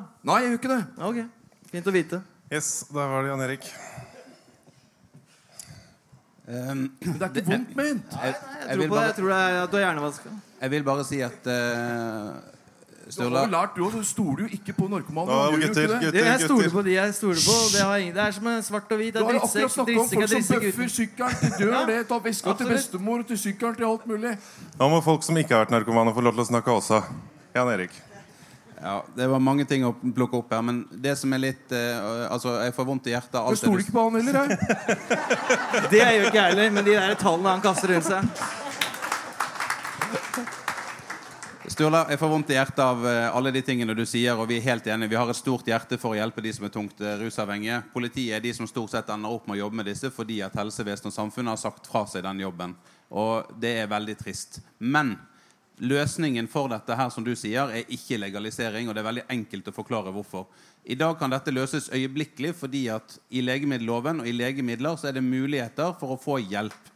Det du snakker om nå, er jo gratis narkotika. For hvis du legaliserer, så vil det bli bare til og med Colorado og de statene der borte der, så er det dobbelt så dyrt med det som da selges lovlig, som det som selges på det sorte markedet. Hvis vi skulle legalisert i Norge etter en norsk vinmonopolmodell, noe så ville det kun være ungdommer fra Holmenkollen og andre steder som lovlig kan kjøpe seg rus. Og de samme problemene du snakker om borte i Brugata, ville vært akkurat de samme, men de måtte skaffe penger til Vinmonopolet eller til hvor det enn gjelder. Vi skal gå litt eh, inn på det eventuelle praktiske etter hvert, men det var først Astrid. Jeg tenker, jeg tenker først, altså, Det er jo ikke sånn at, vi, at, vi, at dette er et problem som nettopp har dukka opp. Vi har 50 år 50 år har vi hatt et forbud mot narkotika. Vi har hatt en ekstrem nulltoleranse i Norge. Det har vært helt eh, alt av altså, det for, altså Den nulltoleransen både gjelder på bruk, og det gjelder også å følge seg inn i behandlingsvesenet. Der eh, F.eks. at man sprekker og viser at man har et doproblem, har ført til at man blir kasta ut av behandlingssystemet. i Så jeg tenker at den Nulltoleransetanken har på en måte ligget tungt over, over uh, norsk uh, narkotikapolitikk i årevis. Og jeg tenker at det andre ting er altså Man kan ikke bare se på altså En ting er at det er unge folk, og at, det her, at vi, vi, har en politikk som marginaliserer ungdommer, som kjører folk inn i fengsel, som fyller opp fengslene våre, som får altså 60 sies det av personer som sitter av innsatte til enhver tid har store doproblemer. Psykiske problemer, doproblemer. Det er en marginalisert del av befolkninga som fyller fengslene våre. En annen side er at også forbudet gjør det helt umulig for folk som lever et, et, et liv, har et arbeidsliv, å søke om hjelp hvis du får problemer. Det er veldig mange yrkesgrupper der man har høyt forbruk av eh, sentralstimulerende fordi at det krever at man skal være på på natt, man skal jobbe hele natta, man skal sånn og sånn, og at man, og man ikke tør å søke, søke hjelp fordi at, man, eh, fordi at det forbudet er der. Og En av de tingene som er ganske interessant i Portugal, er at, at etter etter avkriminaliseringa, ikke legalisering etter avkriminaliseringa av, av, eh, bruk og besittelse der, så økte behandlingsstatistikken ganske markant.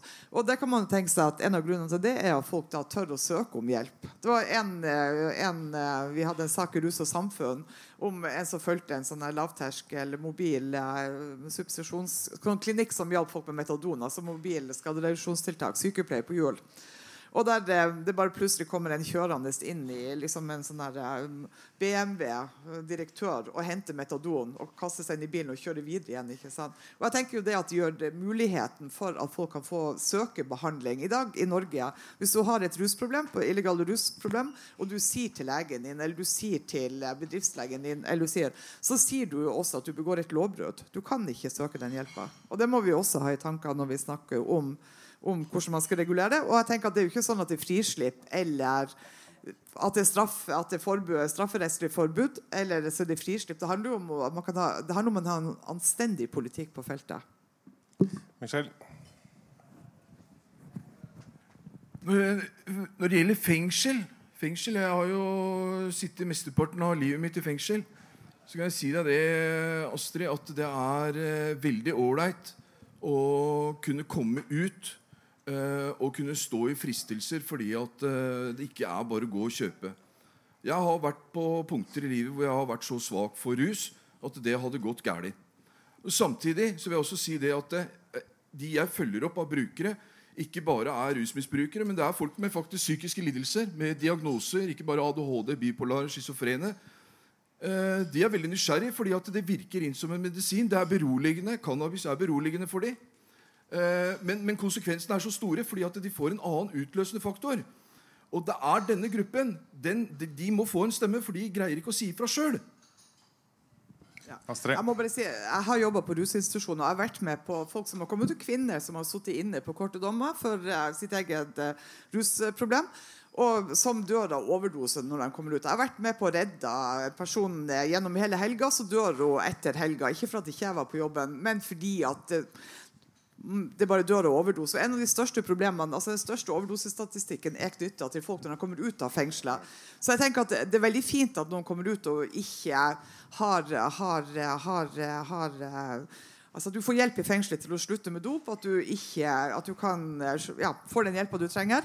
Men, får hjelpa i fengselet til å slutte med dop? Altså, ja, altså, det er jo ikke riktig! Ja, men Kan ikke du slutte Kan ikke du slutte å avbryte meg? Du må jo i hvert fall være Der er det. Her bestemmer jeg. Nå er det Astrid skal ja. snakke ferdig, så er det Jan Erik, så er det Sturle, og så kan du eventuelt snakke etter det. Ja. Det er mansplaining-greiene der. da. Med på det. Ja, takk, takk, takk. Men altså, mitt poeng er å si at de fleste, ja, de fleste som kommer ut av fengsel, kommer ikke ut til en rusfri tilværelse. Eller tenker at å, nå slapper jeg å møte Nå, har jeg, nå slipper jeg å bli frista med rus. De fleste, det, Akkurat på det punktet de, de fleste dør av overdose i Norge. Da var det Jan Erik først. Det du tar opp nå, Astrid, det er det jeg skulle ønske at vi diskuterte. For det som er så fordømt dårlig, det er at vi sitter her nå og diskuterer sånne fillespørsmål som skal vi avkriminalisere ditt eller avkriminalisere datt. Mens det som fra Portugal, f.eks., hva er det som man har virkelig gjort der? Man har brukt milliarder av kroner. Milliarder av kroner på behandling, boliger, andre ting. De tingene som Astrid tar opp her nå, det koster milliarder av kroner. Det å bygge ut helsevesenet, ettervern, boliger, hjelp til de som kommer ut. Det er disse tingene det handler om. Mens denne debatten har begynt å dreie seg om sånne filleting som er blitt veldig sånn Man er glad å diskutere ting som ikke koster penger. Men, Men, uh, diskuter hvordan man kan få inn behandlingsapparat, ettervern, få hjelp til de som kommer ut. I dag var jeg i, jeg var i ansvarsgruppemøte i fengsel i dag. Og personen det gjaldt, fikk beskjed om at eh, ja, ja, når du slipper ut, så må du møte opp et Nav-kontor, så kan du få midlertidig bolig. Altså, Det er disse tingene vi må diskutere.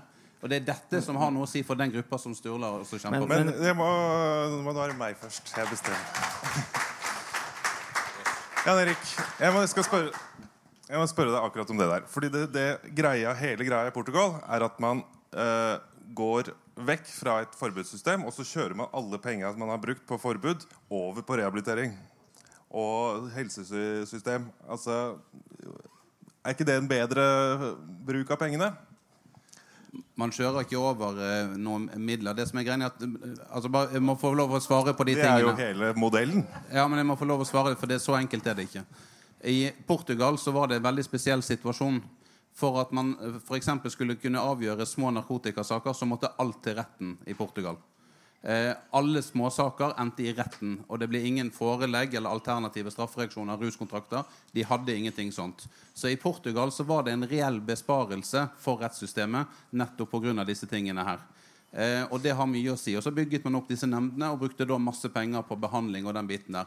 I Norge så har vi mange av disse Altså de sakene vi egentlig diskuterer når vi snakker om bruk og besittelse, de håndteres ikke i retten. Det er veldig, veldig helt unntaksvis at det blir en del av en samledom. eller noe sånt. Så dette avgjøres på påtalestadiet. Og sånn som eh, situasjonen er nå, med den avkriminaliseringen som man eh, snakker om nå, og den måten man diskuterer det på nå, så vil ikke justis miste noe som helst av eh, arbeidet de, de gjør. Kanskje vil vi få mer arbeid, for vi må skrive en ekstra rapport om overføring. Men det kan være helt greit hvis det er riktig vei for å få hjelp til folk. Men eh, det er veldig vanskelig å sammenligne Portugal, hvor man hadde en helt annen situasjon, og det at helsevesenet må bygges ut. Men det står masse plasser tomt. Hver dag når jeg var på gata etter at rusakuttene åpnet i Oslo, så kjørte jeg rundt i det miljøet som jeg jobber i i sentrum. Jeg, spurte, jeg satt med tunge rusavhengige og, og sa 'Velkommen, der er bilen. Skal vi ta og kjøre opp nå på Aker?' Og jeg har spurt over 100 stykker, og alle svarer nei. Det passer alltid bedre i morgen. Så vi må Kjenner ta diskusjonen om tvang, vi må ta diskusjoner om eh, ettervern, om behandling. Ting som koster penger og er vanskelig å diskutere. Koster det å være anstendig, som Rosenquist sa? Eh, nå løper tiden litt eh, fra Ja, ja, jeg skal slapp av svare på det. Nå løper, Se på det. nå løper tiden litt fra oss, så jeg må bare be dere å korte ned svarene så mye som overhodet mulig. Du var først oppe med fingeren, faktisk. Stura. Ja, jeg, jeg må kommentere det Jan Erik eh, Bresil sier her. Først, kjapt må jeg bare kommentere eh, Dette kan være den siste jeg sier, skal jeg ikke si noe mer. Det er helt greit. Uh, først bare kommentere kjapt det Astrid sa, som jeg skulle kommentere. Og det er det med, med overdoser etter soning og behandling. Helt riktig. Det er vel 16 ganger så stor sjanse for å sette overdose, død overdose etter endt soning og behandling. Grunnen til det er jo selvfølgelig da toleransen går ned. Det skjønner de fleste som ser enkelt på det. Men den andre grunnen, som kanskje ikke er så opp i dagen, det er jo skammen. ikke sant? Du lærer både i fengsel og spesielt i rusbehandling at det er skamfullt å ruse seg. Mens du satt kanskje før soning eller behandling sammen med mange andre og satt skuddet ditt, så har du vært i behandling på Tyre, da, for eksempel, hvor det er veldig mye skam i bildet. Eh, og lært at det å ruse seg tilbakefall sånn er grusomt. Det burde du aldri finne på. Det, du burde skamme deg i hjel hvis du gjør det. Kommer du ut, lav toleranse, gå på en sprekk, men tør ikke å gjøre det foran noen, for det er så skamfullt, så setter du på do aleine. Så det er jo en, en, en, silent killer. Men så vil jeg gå på det Jan Erik Bresle sier, som sier at vi sitter og diskuterer fillesaker. Meg, da må jeg faktisk arrestere deg. Altså, Avkriminalisering er ingen fillesak. Jeg har vært fem år i behandling i ulike behandlingssteder, og Michelle, du har sikkert vært 100 eller 150 år i, i, i systemet, så jeg, jeg, slår deg ikke der. Det skal jeg ikke si, men jeg har i hvert fall mine erfaringer fra de fem årene jeg har. da Og det jeg ser gang etter gang etter gang, er at folk fra min alder oppover sitter og bruker nesten all tiden sin på behandling på å rydde opp i de tingene de har eh, av eh, kriminelle saker. Bøter, fengselsstraff, alle ting som har med at de er blitt eh, tatt for eh, bruk og besittelse. Det bruker så utrolig mye tid på det i behandling. Eh, sitte med en psykolog ikke sant, som koster masse Apropos skattepengene, som du snakker så mye om. Koster enormt mye penger. Dere må korte ned svarene litt. Ja, men det er siste, Jeg skal ikke si noe mer. skjønner okay. Jeg skal avrunde hele greia det koster enormt mye penger å ha disse døgnplassene. Og de bruker nesten all sin tid, spesielt de som er litt eldre enn meg, på å sitte og eh, sortere i bøter og legge planer for hvordan å betale ned bøter, og at de skal i fengsel osv. Så, videre. så det er, ikke, det er ikke fillesaker. Og i hvert fall hvis vi snakker om regulering, altså det dere liker å kalle legalisering. Er det en fillesak? Det spørs hvor uh, mye du er villig til å løfte blikket. Jan Bresil. For hvis du ser litt utenfor Nissebjergets grenser, og kanskje litt over dammen, kanskje litt lenger sør de landene hvor Narcos og Escobar og sånn har holdt på å herje på 80-90-tallet, og etter hvert de meksikanske kartellene, så ser vi at indirekte pga. krigen mot narkotika fordi de må beskytte transportrutene sine. Det er det som er hele poenget. De som skal produsere og smugle narkotika. Vi bruker bl.a. her i Vesten de ungdommene vi er så glad i å beskytte. Tenk på ungdommene i Mexico, da. Som har karteller som løper rundt siden 2006 indirekte som en konsekvens av krigen mot narkotika, fordi kartellene blir mer og mer voldelige for å beskytte disse transportrutene som de er så utrolig opptatt av. Er de nødt til å bli mer og mer voldelige? Det er snakk om karteller så voldelige at ISIL-gutta sitter og ser på videoer av meksikanske karteller for å få inspirasjon. Skjønner du, eller? Siden 2006, siden eh, politiet, som Tor Mikkel Wara satt og sa på TV i forgårs med Raymond Johansen i debatt, skulle massivt sette inn politiet, som Filippe Calderón, som var president i Mexico i 2006, gjorde, for å få slutt på mafiaen og kartellene i Mexico.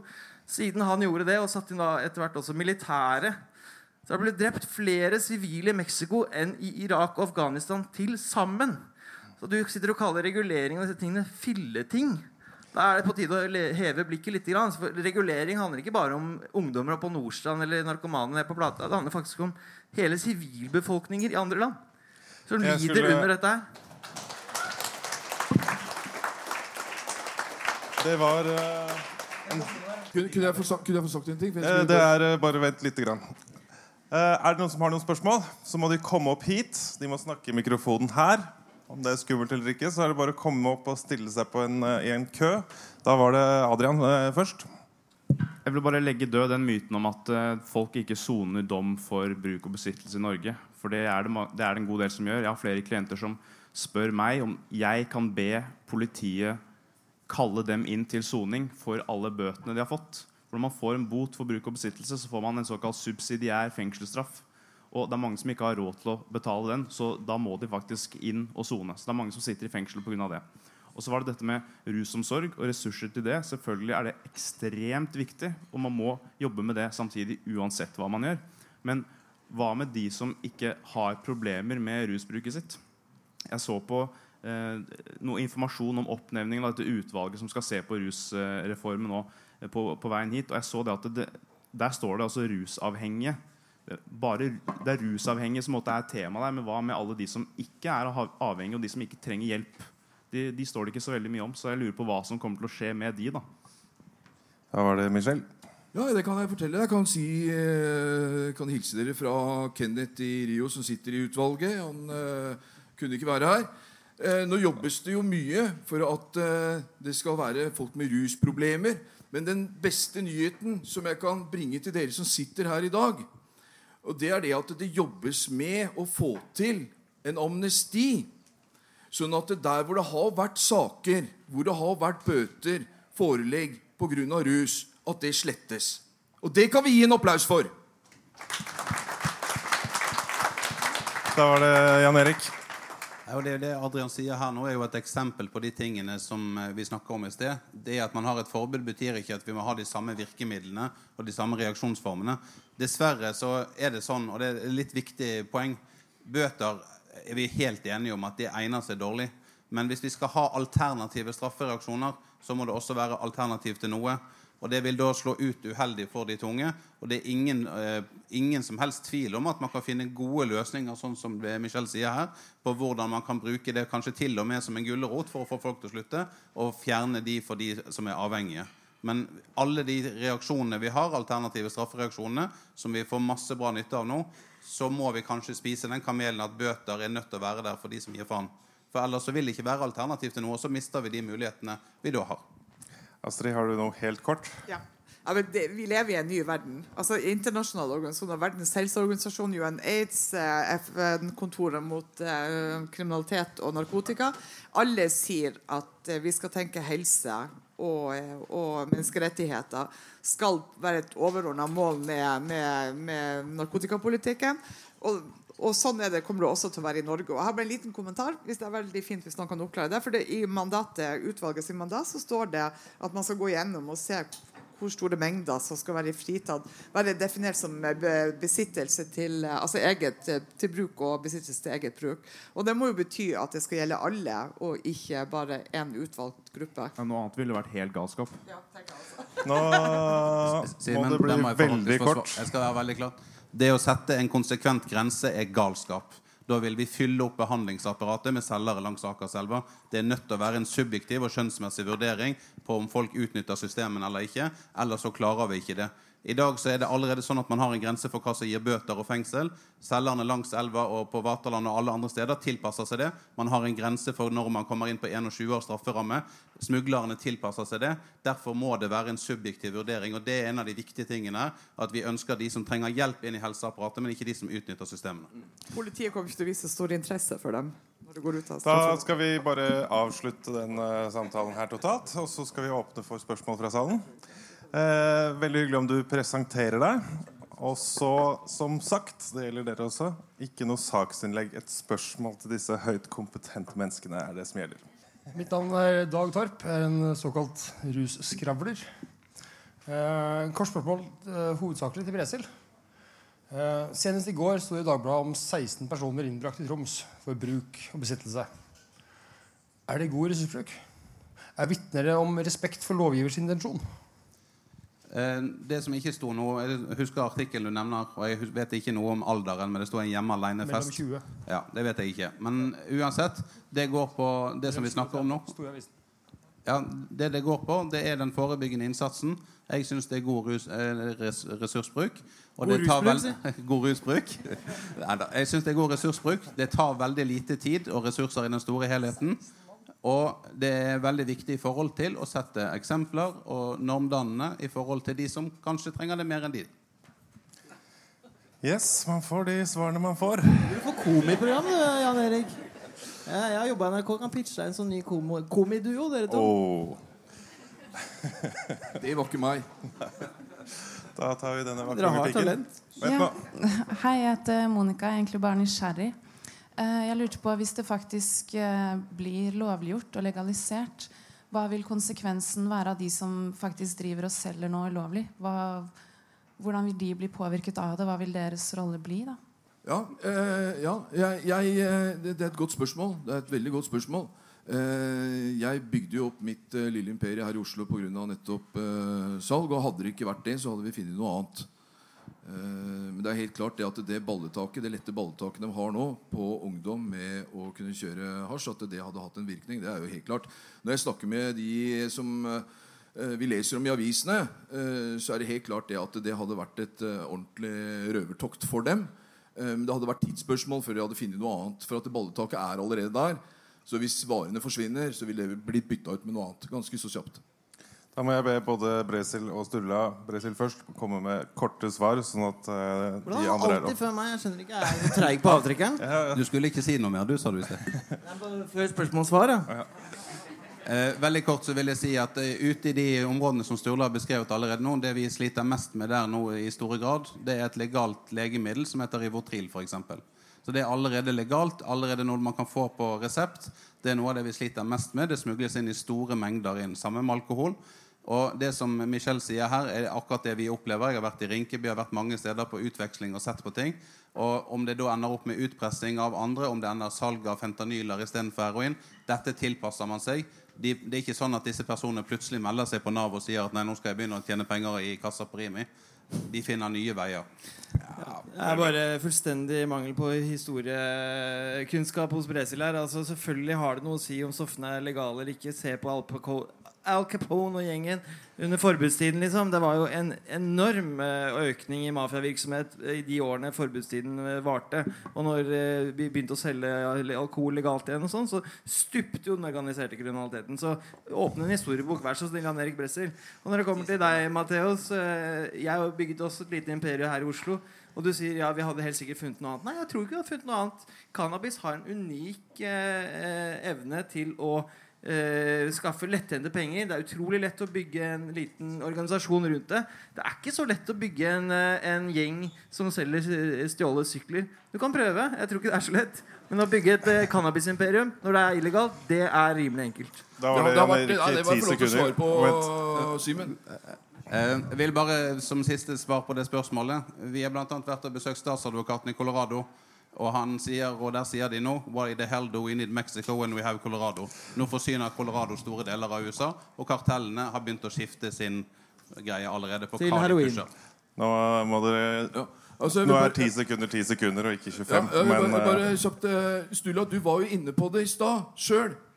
Med det der med en eh, naken kvinne. Lære fort å spinne. På Jo. Altså det, det, vet du hva? Vet hva? Eh, helt, helt ærlig, tror du disse gjengene der ute ville mista grepet på sitt hvis, eh, hvis eh, cannabis hadde blitt eh, legalisert? For en stakket liten stund. Men det gjelder så mye, mye mer enn det. Selvfølgelig, de, Ja, ja, ja. det, det ja. De mest hardkokte kriminelle vil alltid finne et eller annet. Men jeg snakker om den store mengden. Eksempel jeg, som ikke er spesielt kriminelt anlagt. Jeg ble ganske eh, medium pluss cannabis-dealer, liksom. Jeg burde egentlig vært liksom, sånn som jeg ble. Sånn Westerdals døll fyr, liksom. Men jeg ble faen meg cannabis-konge oppe på vestkanten. Altså, Sånne som meg hadde ikke Litt sånn ulv i forklær. ja, ikke sant? Og jeg hadde hvis det hadde vært illegalt, jeg hadde ikke begynt å selge sykler eller lage en sånn eh, bo- fiksa boksekamp eller noe sånt. Nei, jeg hadde ikke gjort det. Jeg hadde begynt på Vestra, sånn som jeg endte med å gjøre. Ok, Da avslutter vi det spørsmålet, og så tar vi neste. Eh, som sagt, et kort spørsmål. Narkotikapolitikken ødelegger kriminalomsorgen, heter det i en uh, årsmøteuttalelse fra SON, uh, straffelovsorganisasjonen i Norge, der jeg jobber som frivillig. Rolf Solvang.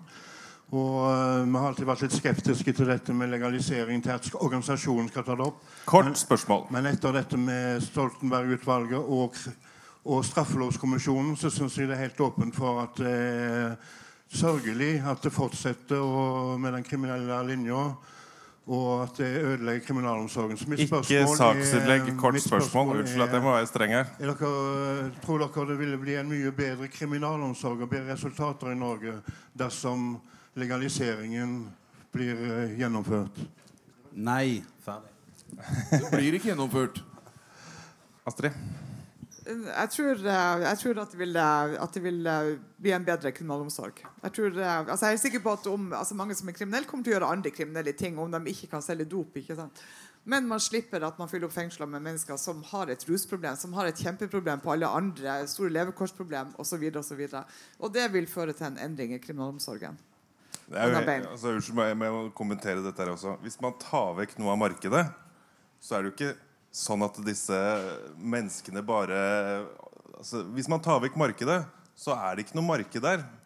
Blir ikke automatisk nye markeder. Ja, men det, Argumentet deres er at de begynner med illegal minedrift i Mexico. Ja, sånn, det er helt og det er selvfølgelig er noen som usannsynlig. gjør det, men altså, de store gjengene forsvinner når markedet forsvinner. Men fengselet er ikke fylt opp med tunge kriminelle som er selger dop. De er fylt opp med mennesker De er fylt opp med mennesker som bruker dop, som har et dopproblem sjøl, og det er dem som fyller opp med mennesker. Er Gjengen som eh, den eh, eh, stand du tilhører, er på en måte en liten andel av innsatte i fengsel. Og Ser man kriminalstatistikken gjennom ti år, så ser man at det er Klin for- gærne folk. Bausende stabilt med folk som sitter på, på grove narkotikaforbrytelser, kontra mennesker som sitter på de helt lette. Brudd på legemiddelloven og første ledd av, eh, av narkotika... 162 A. Ja. Er det det Ok, nå? Da er det disse tre menneskene som får et kort spørsmål hver. Og så må vi prøve å korte ned svarene også, for nå er klokka snart kvart over. Nå kommer innlegg. Eh, Jeg lurer bare på dette her Jeg heter Dagfinn. Jeg jobber også som forsvarer. sånn som Adrian Eh, Dette poenget med at eh, det er viktig å ha et forbud for å kunne avdekke eh, rus og rusproblemer. Eh, Hvordan blir det lettere å avdekke noe som folk må holde hemmelig? I utgangspunktet så er det jo sånn at vi ser allerede nå at de som er nærmest barna og ungene, som vi avdekker, de har ikke fått vite om dette her. Og det har ikke nødvendigvis om det er hemmelig å gjøre, eller om det er ulovlig å gjøre. Det er, vil alltid være skambelagt, dessverre. Men samtidig så ønsker vi ikke å fjerne det tabuet helt, for det skal ikke være så enkelt at man går det steget over og begynner å bruke narkotika. Så det steget vil fortsatt være der, og det vil være skambelagt, selv om det ikke er eh, ulovlig. Astrid?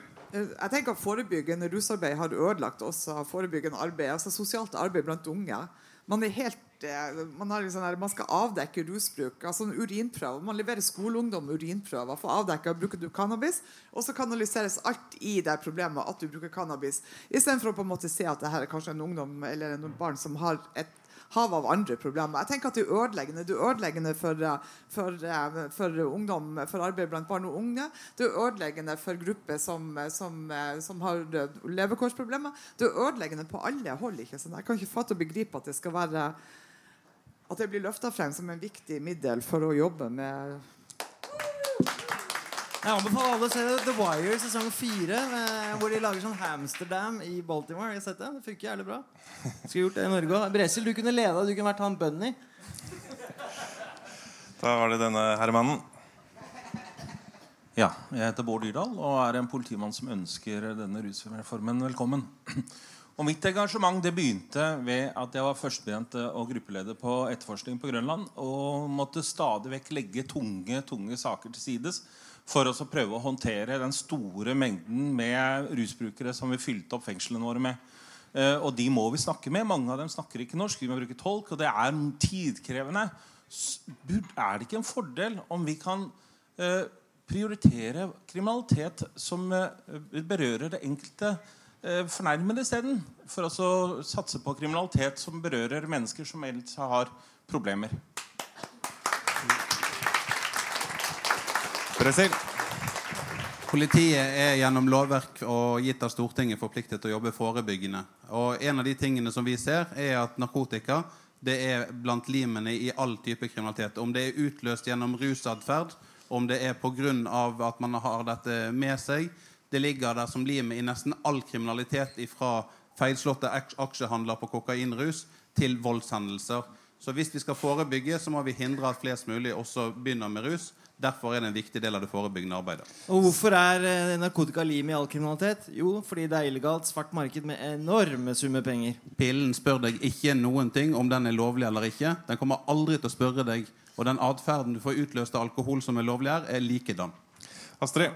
Jeg tenker at man, altså det, som jeg sier, man er nødt til å snakke med Vi må ha en anstendig ruspolitikk. Vi må tenke, vi trenger ikke å ha en veldig liberal ruspolitikk, vi må ha en anstendig ruspolitikk. Og så må man også se hvordan kriminalisering av et marked bidrar til å øke kriminaliteten i markedet. Og parallelt til, eh, til sexkjøpsloven, som ble innført i 2009, som førte til kriminalisering av eh, sexarbeid, så har vi mye mer kriminalitet i det feltet i dag enn vi hadde før 2009.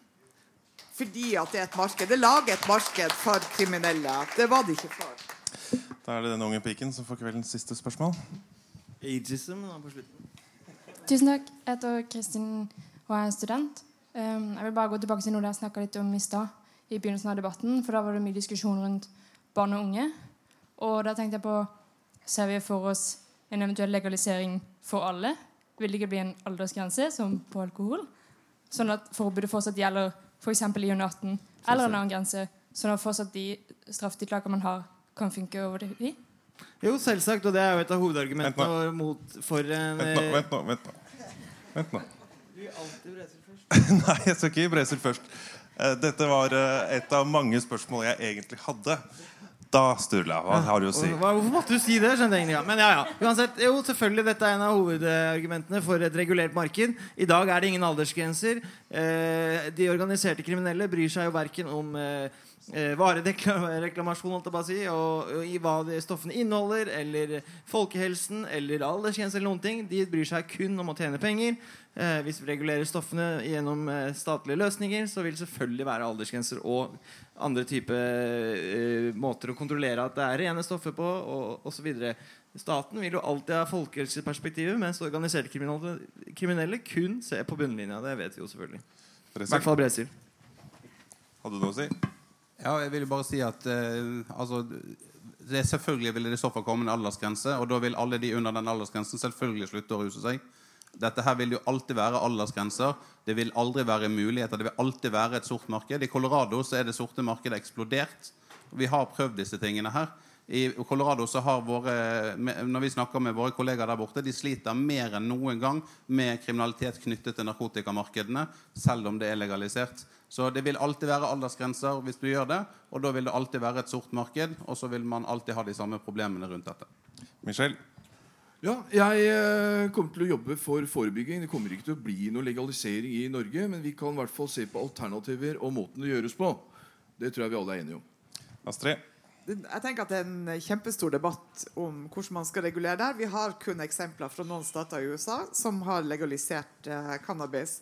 Og De ulike statene har forskjellige modeller, og det er veldig vanskelig å hente ut hva som egentlig er konsekvensene. Annet enn at der man ser at der det er høye priser og vanskelig tilgjengelig, så opprettholder man det svart marked. Og Nå husker ikke jeg om det er Colorado eller Washington, staten Washington. Det er i hvert fall ingen som ønsker seg tilbake. De har Ja. meningsmålinger på Ja, det men blant det- befolkningen. Alle ønsker at de skal fortsette Ja. med den løsningen. Så et eller annet positivt må ha skjedd. Ja. Men, jeg- men jeg tenker jo at, at den, eh, hvordan man da skal tenke seg Altså hva som skal være tilgjengelig av, av, av eh, substanser, og hvordan man skal regulere det, og, hvor, og på hvilken måte man skal gjøre det, er jo en kjempedebatt som vi ennå ikke har tatt. Ikke? Jeg tenker at det bare virker veldig avskrekkende hvis man tenker seg at her skulle jeg kunne gå på eh, Rema og kjøpe heroin i morgen. ikke sant? Altså, det, er annet, det her er en kjempediskusjon. Første omgang så snakker vi om å akronisere bruk og besittelse til eget bruk. Og Det er en veldig viktig debatt. Og den neste debatten må vi ta skrittvis videre og videre. Jeg kunne godt tenke meg å ta med deler av dette panelet og snakke litt om eh, praktisk eh, gjennomføring på et panel en annen gang. Nå må vi bare runde av. Dårlig det. Dere skal få T-skjorter. Sturla. Applaus.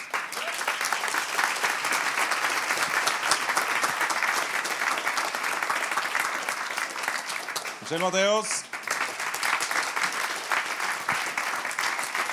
Jan Erik Bresil.